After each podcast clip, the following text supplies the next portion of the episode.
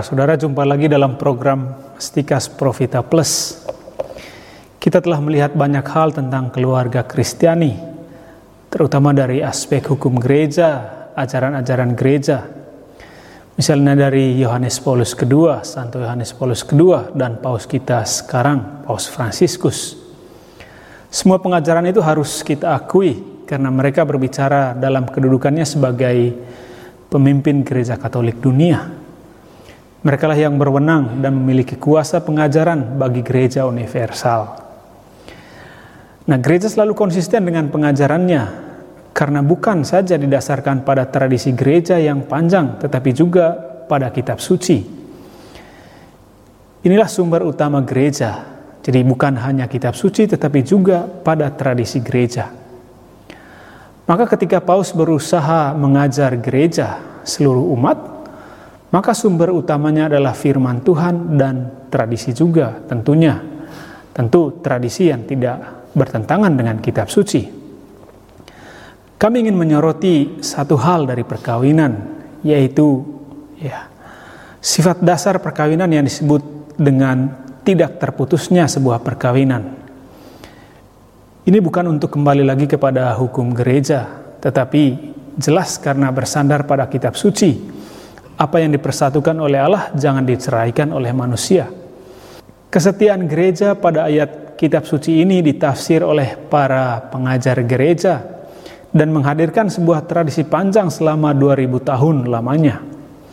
Ini sudah kita terima dan tidak perlu kita diskusikan lagi sebab sudah jelas baik dari aspek kitab suci, hukum maupun ajaran gereja. Tetapi ada aspek lain juga yang kita sebut dengan aspek pastoral. Sesungguhnya saya sangat hati-hati, terus terang saya sangat hati-hati bicara tentang hal ini. Supaya umat tidak salah paham. Apa itu aspek pastoral sebuah perkawinan? Aspek pastoral adalah kebijakan-kebijakan khusus berdasarkan realitas yang terjadi di lapangan, yaitu berdasarkan kenyataan yang terjadi dalam penghayatan panggilan keluarga pada zaman dan waktu tertentu. Dalam kenyataannya, karena persoalan itu sangat sulit di lapangan, sering kali keputusan-keputusan tertentu dibuat. Ada pepatah yang mengatakan, hidup itu jauh lebih sulit dari teori. Artinya, kenyataan di lapangan jauh lebih sulit daripada apa yang diajarkan. Dalam situasi seperti inilah, maka perlu dibuat kebijakan pastoral perkawinan. Ya. Misalnya dalam persoalan kita, ajaran kitab suci dan tradisi gereja mengatakan tidak boleh ada perceraian, tetapi dalam kasus-kasus sulit ajaran ini dilembutkan demi perlindungan hidup dan kesejahteraan iman umat. Dilembutkan dalam tanda kutip bukan berarti gereja membolehkan perceraian Sekali lagi kebijakan pastoral perkawinan dibuat untuk persoalan sulit di lapangan, bukan dap, bukan untuk diterapkan pada semua kasus perkawinan pada umumnya. Aspek pastoral dengan kata lain adalah sebuah solusi praktis yang kadang-kadang melenceng dalam tanda kutip dari ajaran gereja meskipun tidak sepenuhnya berlawanan dengan ajaran tersebut. Ini adalah sebuah solusi atau jalan keluar demi kebaikan. Yang justru kalau solusi ini tidak ada atau tidak diterapkan, akan membawa keburukan bagi seseorang atau sebuah keluarga. Jadi, aspek pastoral uh, dalam kasus keluarga dibuat untuk kebaikan keluarga tersebut. Sederhananya dalam hukum sipil, supaya kita paham lebih jelas tentang hal ini. Ya, misalnya ada peraturan tidak boleh menerobos lampu merah. Itu peraturan untuk semua. Siapa pun tidak boleh melanggar. Tetapi suatu saat ada orang yang sedang sakit parah ya, dan harus menggunakan mobil ambulans untuk pergi ke rumah sakit. Dia harus cepat dibawa ke rumah sakit Ya, kalau tidak nyawanya akan terancam atau tak tertolong. Peraturan tidak boleh menerobos lampu merah tidak berlaku untuk mobil ambulans ini. dan semua pengendara tahu sehingga mereka tidak perlu protes. Mobil lain tetap berhenti saat di lampu merah. Maka solusi pastoral untuk kasus tertentu ya tidak bisa diterapkan untuk semua. Jadi harus dilihat kasus per kasus. Nah, berkaitan dengan hidup keluarga, adakah solusi yang demikian? Tadi kita sudah mengambil persoalan tentang perkawinan yang tak terceraikan. Apakah ada solusi untuk ini jika keluarga menghadapi kesulitan-kesulitan besar? Contoh, suatu pasangan menikah yang mengalami keributan begitu besar. Kesulitan besar dan berpotensi mengancam nyawa suami atau istri atau juga anak. Singkatnya mengancam nyawa orang-orang yang lemah dalam keluarga, entah suami, istri, atau anak-anak. Nah, apakah orang tetap bertahan dalam keluarga yang demikian? Karena gereja mengajarkan bahwa perkawinan tak terceraikan. Bagaimana solusi terhadap hal ini? Ya. Di satu pihak orang tetap mau setia pada perkawinannya seperti yang diajarkan oleh Tuhan Yesus dalam kitab suci dan ditafsirkan oleh gereja. Tetapi di pihak lain, hidupnya terancam. Nah, menjawab persoalan ini tentu tidak mudah. Supaya saya tidak terkesan ngarang bebas, saya kutip apa yang diajarkan oleh Paus Fransiskus. Kita membaca dan mengutipnya secara lengkap supaya kita paham. Paus Fransiskus berkata begini dalam ajarannya tentang keluarga, dalam Amoris Laetitia, dia katakan begini, dalam beberapa kasus, pertimbangan terhadap martabat pribadi dan kebaikan anak-anak menuntut pembatasan yang tegas akan permintaan yang berlebihan dari orang lain, akan ketidakadilan yang besar, akan kekerasan atau perlakuan yang buruk dan kronis. Perlu diingat bahwa ada beberapa kasus di mana perpisahan tidak dapat dielahkan. Kadang-kadang hal itu secara moral bisa menjadi keharusan. Khususnya ketika permasalahannya adalah memindahkan pasangan yang lebih rapuh atau anak-anak kecil dari cedera serius akibat pelecehan dan kekerasan, dari penghinaan dan eksploitasi, dan dari pengabaian dan ketidakpedulian. Lihatlah hal ini dengan baik. Ya, mari kita lihat dengan baik ya apa yang dikatakan paus ini. Ini adalah sebuah solusi bagi keluarga yang berada dalam masalah yang sangat besar. Sekali lagi ya, masalah yang sangat besar. Ini bukan sebuah solusi umum untuk semua keluarga yang berada dalam kesulitan. Eh, keluarga yang berada dalam masalah yang sangat berat, di mana bertahan akan mengancam nyawa mengancam martabatnya. Artinya kalau mengalami kekerasan dan perlakuan buruk yang kronis, sekali lagi buruk yang kronis, maka orang yang berada dalam situasi yang lemah harus pergi demi melindungi kehidupannya. Mengapa? Ya, karena kita juga diberi tanggung jawab oleh Tuhan untuk mencintai diri kita atau melindungi kehidupan kita ketika ancaman datang merenggut nyawa. Bahkan secara moral seperti yang dikatakan Paus tadi, bisa menjadi sebuah keharusan ya, yang tak dapat dielakkan. Ya. Orang menghindar ya sebuah keharusan. Tetapi perlu ditekankan ini bukanlah sebuah bentuk perceraian seperti dalam pengertian hukum sipil di mana dengan keputusan pengadilan menceraikan sebuah pasangan setelah adanya bukti objektif yang membuat suatu pasangan tidak mungkin disatukan lagi. Ini berbeda dengan cerai dalam arti hukum sipil, arti normal.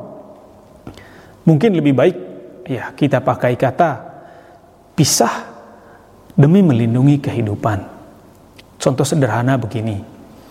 Seseorang tinggal di sebuah ya, kaki gunung berapi misalnya ia senang tinggal di sana sebab udaranya bersih, jauh dari keramaian dan hiruk pikuk perkotaan, tanahnya subur, pemandangannya indah, dan mungkin juga tetangganya ramah-ramah. Karena itulah ia senang tinggal di sana. Tetapi suatu saat bahaya muncul, gunung akan meletus. Pemerintah telah memberikan peringatan kepada warga di sana terhadap bahaya yang mungkin terjadi. Ya. Pilihannya hanya dua. Bertahan berarti nyawa terancam dan kemungkinan meninggal atau cacat dan itu sangat terbuka. Pilihan kedua, lari atau mengungsi berarti kemungkinan besar untuk selamat terbuka. Ya dia sangat mencintai tempat itu dan berat rasanya untuk pergi. Tetapi demi keselamatan hidupnya atau keluarganya, dia harus pergi. Pilihan ya sebuah keharusan ya dia harus pergi dari sana.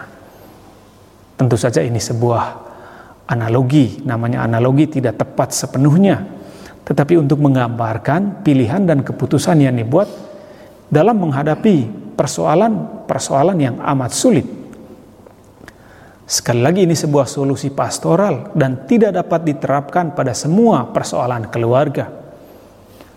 Maka kalau ada persoalan dalam keluarga yang masih bisa dipecahkan secara baik, ya tidak perlu pergi, tidak perlu pisah, kalau persoalan ekonomi, adanya orang ketiga, hubungan yang tidak baik dengan mertua, persoalan pendidikan anak, kekerasan yang tidak mengancam nyawa, dan lain-lain, ya carilah solusi lain supaya keluarga tetap awet, bukan mengambil jalan pintas, pisah, atau sering kali cari-cari persoalan yang terdahulu supaya perkawinannya dapat dianulasi. Tidak seperti itu. Solusi pisah demi melindungi kehidupan ya hanya pada kasus yang dapat dikategorikan sebagai kasus yang sangat berat yang oleh Paus disebut ya mengalami perlakuan yang buruk dan kronis. Perlakuan buruk yang kronis. Jadi tidak berlaku untuk semua persoalan. Ini tidak sama dengan perceraian dan ajaran ini bukan seolah-olah Paus setuju ya keluarga ya bercerai, suami istri bercerai. Tidak sama sekali. Ini hanya sebuah solusi pastoral demi menyelamatkan hidup manusia karena di hadapan Tuhan kita juga bertanggung jawab atas kehidupan kita. Kita tidak dapat dan tidak boleh mengorbankan hidup kita secara sia-sia, padahal ada sebuah solusi yang lebih dapat melindungi kehidupan kita. Kita tidak boleh menyerah dengan persoalan-persoalan yang dihadapi dalam keluarga. Tetapi kita tidak boleh juga tetap bertahan dalam situasi yang mengancam hidup kita. Tetapi solusi pisah ini harus dianggap sebagai upaya terakhir. Setelah semua upaya rekonsiliasi yang masuk akal, ya telah terbukti sia-sia. Ya seperti yang dikatakan Paus Fransiskus dan dia mengutip kata-kata Yohanes Paulus II yang dijadikan dasar solusi pastoral dari paus kita ini. Artinya begini, dalam kesulitan-kesulitan kita telah menggunakan sarana-sarana yang masuk akal supaya suami istri berdamai, supaya keluarga tetap bertahan. Bukan berarti ya kita pasif. Persoalan besar muncul lalu pisah begitu saja. Tidak sama sekali. Semua harus didahului dengan usaha-usaha dan niat-niat baik kita untuk memperbaiki keluarga, mendamaikan pihak yang bertikai. Solusi ini bukan saja untuk pihak yang bertikai, suami atau istri, tetapi juga untuk anak-anak sebagai ya orang yang rapuh. Artinya anak-anak jangan sampai menjadi korban demi keinginan kita bertahan dalam situasi sulit. Seringkali anak-anak menjadi korban tak bersalah dari pertikaian hebat antara suami istri. Dalam membicarakan persoalan pastoral bagi orang-orang yang pisah karena kesulitan-kesulitan besar ini, Paus Fransiskus mengatakan begini: "Melampaui segala pertimbangan lain, saya ingin ya melampaui segala pertimbangan lain yang ingin dilakukan, anak-anak harus menjadi perhatian utama. Saya, Paus Fransiskus maksudnya, menyerukan kepada semua orang tua yang bercerai, yang pisah maksudnya. Ya, jangan jangan jangan pernah memperlakukan anak Anda sebagai sandera. Anda ya pisah karena banyak masalah dan alasan. Hidup telah memberi Anda ujian ini, tetapi anak-anak Anda tidak harus menanggung beban perpisahan itu.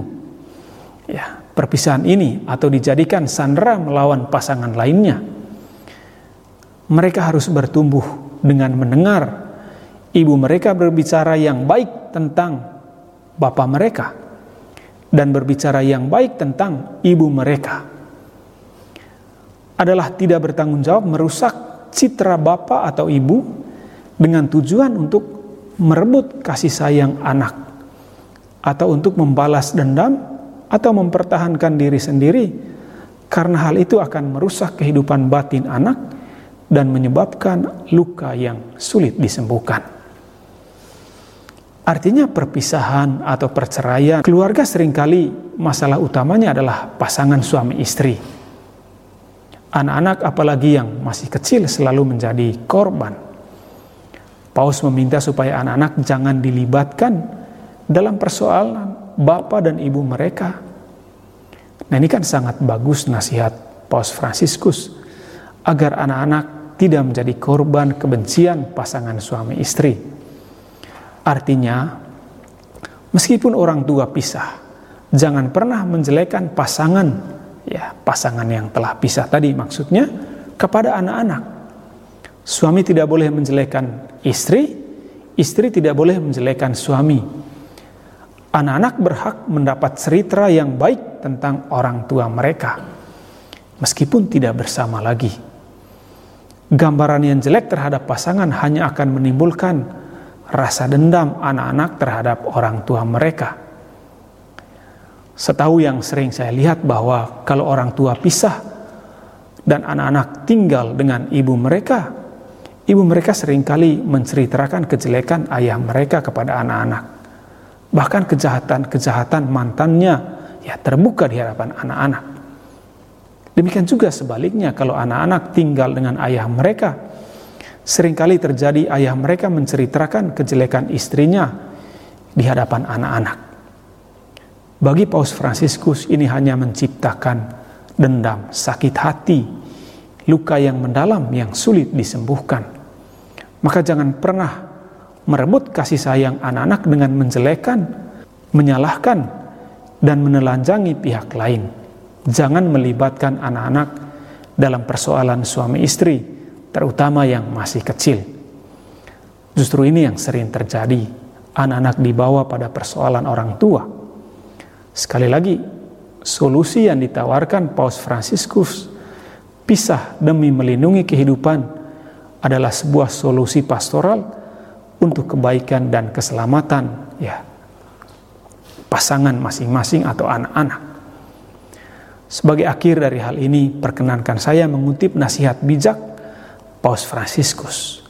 Dia mengatakan begini, sikap hormat perlu diberikan terutama ya, terhadap mereka yang menderita karena secara tidak adil dipisahkan atau diceraikan atau ditinggalkan atau mereka yang terpaksa memutus hidup bersama karena perlakuan buruk dari suami atau istri. Pengampunan atas ketidakadilan yang telah diderita semacam itu tidaklah mudah. Tetapi kasih karunia memungkinkan perjalanan ini. Maka dibutuhkan pelayanan rekonsiliasi dan mediasi bahkan mungkin juga pusat konseling khusus untuk mereka. Semoga kita semakin memahami dan mencintai kebenaran sehingga akhirnya diselamatkan. Tuhan memberkati kita semua. Salam Profita.